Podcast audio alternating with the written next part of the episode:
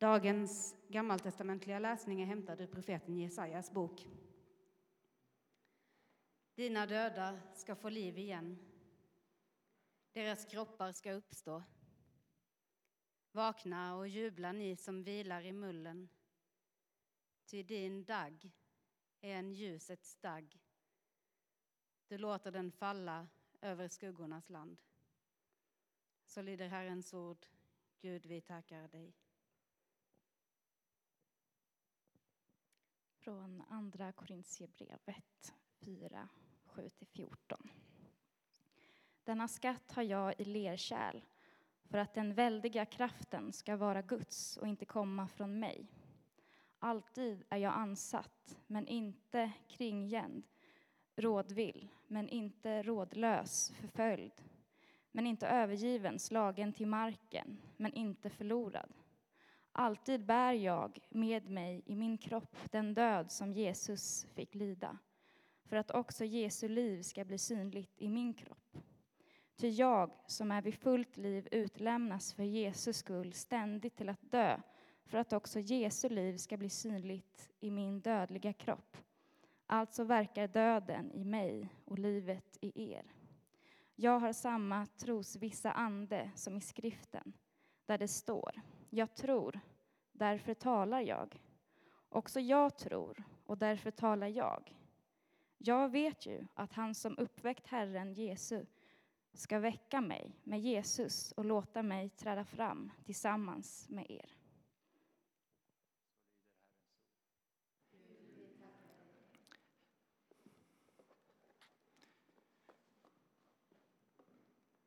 Upplyft era hjärtan till Gud och hör dagens heliga evangelium enligt evangelisten Johannes. Marta gick hem, kallade på sin syster Maria och viskade Mästaren är här och kallar på dig.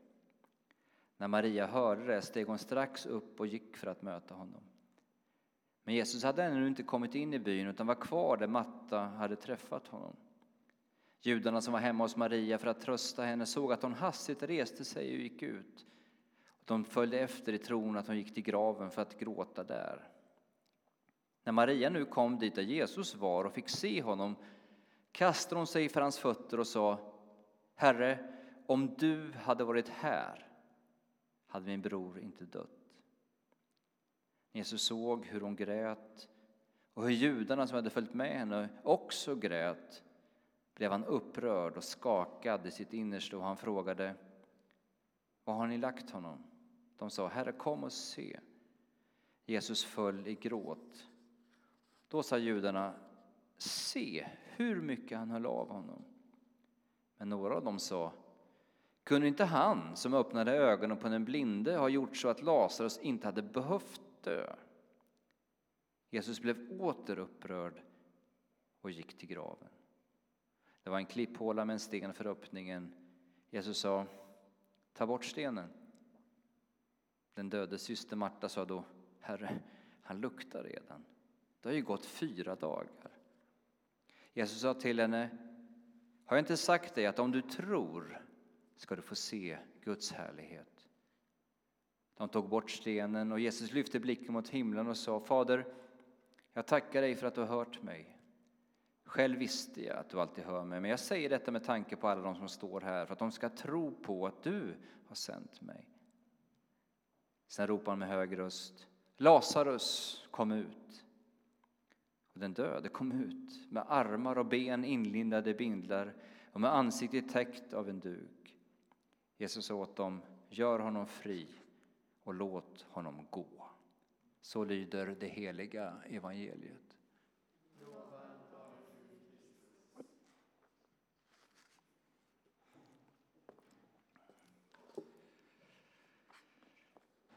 Min tjänare ska ha framgång, han ska bli upphöjd, mäktig och ärad.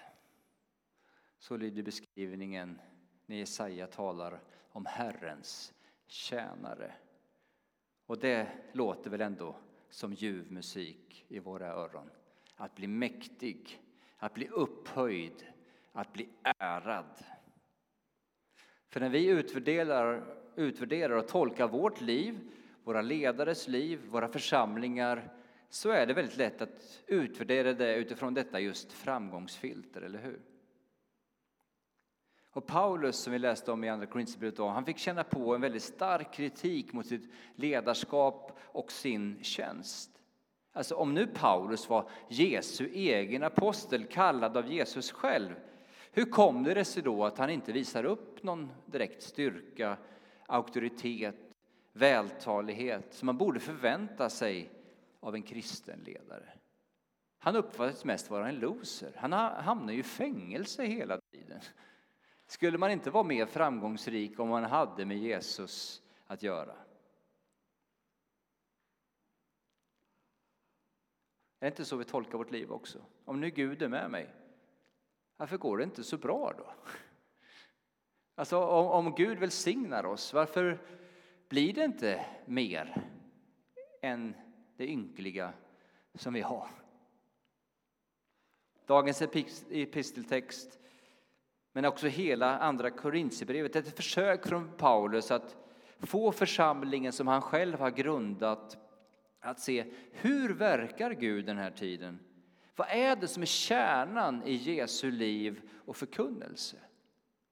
Och så säger han, denna skatt har jag i lerkärl för att den välja kraften ska vara Guds och inte komma från mig. Alltså det här lerkärlet som på den tiden ansågs vara ett ganska billigt och ganska värdelöst och ganska så vardagligt redskap det är på det sättet som Gud gestaltar sin härlighet. Alltså genom lidande och död, genom korsets väg. Det är så Gud frälser världen. Och vi säger, det gillar inte vi. Det uppskattar inte vi. Det värdesätter inte vi. Hans Johansson, som var min andliga vägledare under flera år, som tyvärr dog alldeles för tidigt 2008, han skrev så här i sin kommentar över Andra Korinthierbrevet. Här döljer sig övertygelsen att det sätt på vilket Jesus förmedlar liv genom sin tjänare präglas av det sätt på vilket Jesus själv vunnit detta liv. Lidande och död är inte en defekt i Guds frälsningsväg utan en viktig del av den. Mötet med den uppståndne Kristus innebär därför inte bara ett möte med ett nytt liv utan ett nytt liv som är liv genom död och som sedan behåller den karaktären. Så snart man försöker lösgöra erfarenheten av den uppståndne Kristus från erfarenheten av den korsfäste Jesus kommer andligheten att förlora sin Kristus-karaktär. När Jesaja börjar sin berättelse om Herrens tjänare i Jesaja 52 och 53 så säger han just det, min tjänare ska ha framgång, han ska bli mäktig, ärad och upphöjd. Och sen säger han så här, vem av oss trodde på det vi hörde? För vem var Herrens makt uppenbar? Som en späd planta växte han upp inför oss, som ett rotskott ur torr mark. Han hade inget ståtligt yttre som drog våra blickar till sig, inget utseende som tilltalade oss. Han var föraktad och övergiven av alla, en plågad man, van vid sjukdom, en, man, en som man vänder sig bort ifrån. Han var föraktad, utan värde i våra ögon. Så ser Herrens framgångsväg ut. Församlingen säger inte halleluja, eller hur?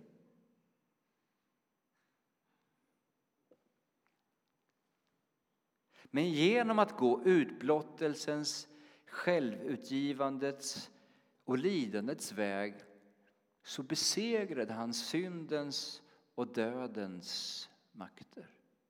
Det var så livet segrade. Genom korsets väg, genom dödens väg. Rubriken för dagens eh, eh, söndag i kyrkåret är just döden och livet. Och nu måste ni förstå att de människor som levde med Jesus, de hade sett tio, hundra, kanske tusentals människor blivit korsfästa. Och så ställde sig Jesus och så vänder han sig på dem, eller vänder sig inte på dem, utan på, vänder sig till dem menar jag. Och så säger han så här, och så sa han till alla, om någon vill gå i mina fotspår måste han förneka sig själv varje dag och varje dag ta sitt kors och följa mig. Till den som vill rädda sitt liv ska mista det. Men den som mister sitt liv för min skull, han ska rädda det. Vad hjälper en människa om hon vinner hela världen men får betala med att mista sig själv? Korsets väg är att rädda sitt liv, inte att förlora det. Hur mycket går inte det emot allt det som vi tycker och tänker naturligt? Hur får jag liksom bättre ekonomi, bättre liv, bättre relation? Det är liksom att lägga beslag, lägga händerna på det. Och Jesus säger nej, det är tvärtom. Hur kan lidandets och dödens väg vara livgivande? När Jesus säger att vi ska ta korset på, då får man ställa frågan till oss själva, vad är det i mitt liv som behöver spikas upp på ett kors? Man fattar ju att reklammakarna på den tiden hade svårt att sälja in det här budskapet till samtiden, eller hur? Och även idag.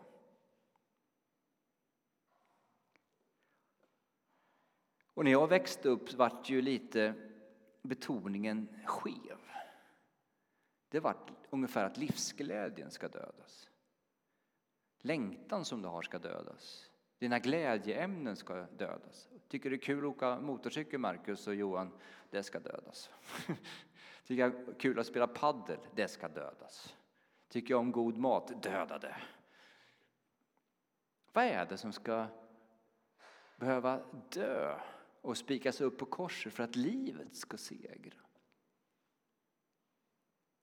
Vad innebär att förneka sig själv? Jo, det som behöver dö är det som krymper oss människor. Som gör oss till omänniskor. Som vanställer, vanställer den sanna avbilden av att vara människa. Det finns destruktiva makter och krafter i vår tillvaro som vill förvrida och förstöra och förminska vår mänsklighet. Vad är det som förstör, förminskar oss och vanställer, vanställer den sanna avbilden? Jo, det är ju själviskheten, girigheten, de oordnade begären som löper amok inom oss och som stänger in oss i oss själva och som får världen att krympa och tar oss som gisslan för sina nycker och destruktiva mönster. Gud är god.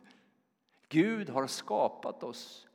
Gud har skapat den här skapelsen och vill vår frihet och salighet. Han har kommit för att rädda den här jorden, oss som människor, djuren, inte för att förstöra den.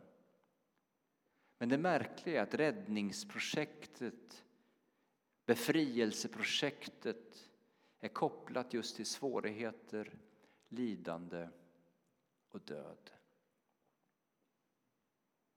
För när vi hamnar i kriserna, när vi hamnar i lidandet, när vi hamnar i det som vi kan säga död, men som kanske mest handlar om våra förluster. Förlust av vårt anseende, förlust av vår hälsa, förlust av vårt äktenskap, förlust av vår karriär. Då avslöjas det för oss vad och till vem vi sätter vårt hopp och vår förtröstan och som Martin Luther talade om avgudar, vem är det vi önskar allt gott ifrån? Och jag har ställt den frågan några gånger, jag tror kanske jag ställt den till vår kyrka också.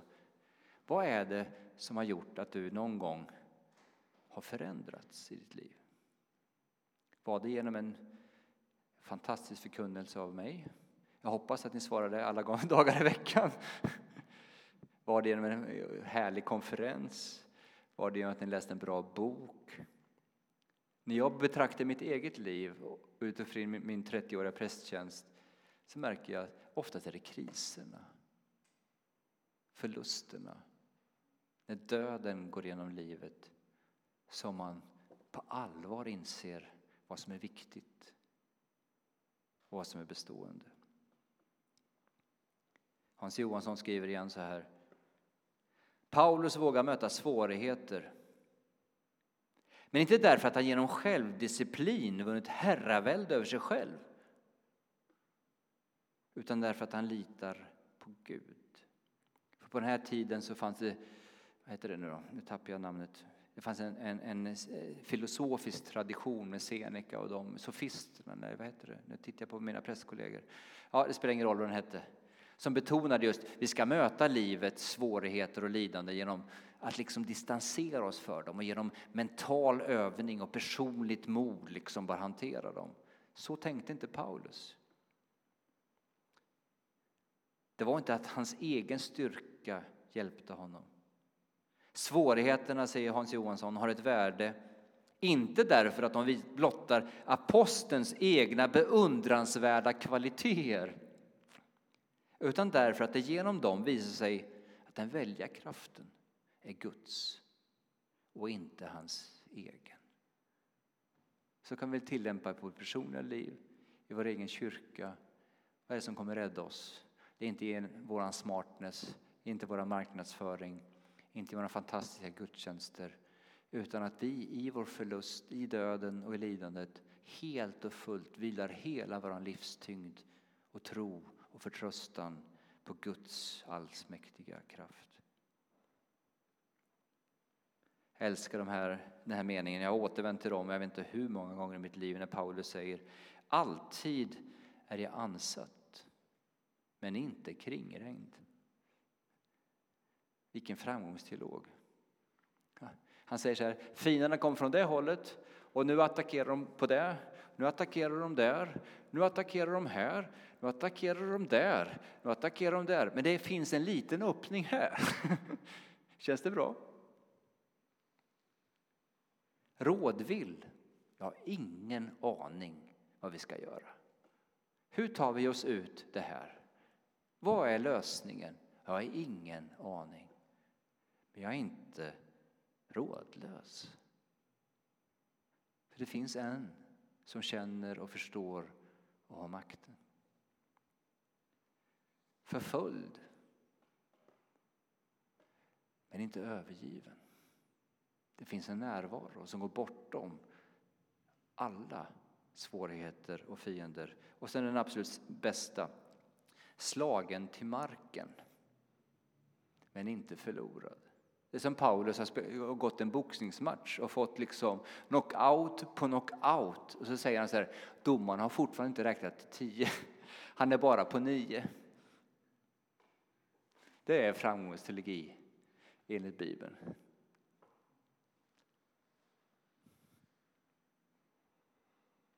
Vårt hopp står inte till våra egna förmågor, vår egen duglighet, vår egen förmåga att bemästra livets svårigheter och reda ut allting. Utan att Gud faktiskt har sagt, jag är med er alla dagar intill tidens slut. Och att vi inbjuds till att överlåta, överlåta våra liv i Guds försyn. I vissheten om att det inte bara är lidande, död och förlust. Utan Paulus säger, jag är viss om att den Gud som har uppväckt Jesus från de döda också genom dopet har gett mig samma löfte.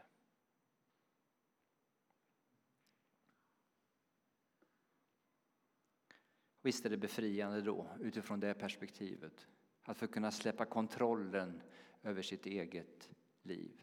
Denna fåfänga illusion som så många människor lever utifrån. Att slippa ansträngningen att slipa på sitt eget varumärke. Är jag lyckad? Är jag framgångsrik? Är jag snygg? Är jag rik? Paulus sa, jag är ett lerkärl. Det är inte det som är viktigt. Det är skatten som betyder någonting.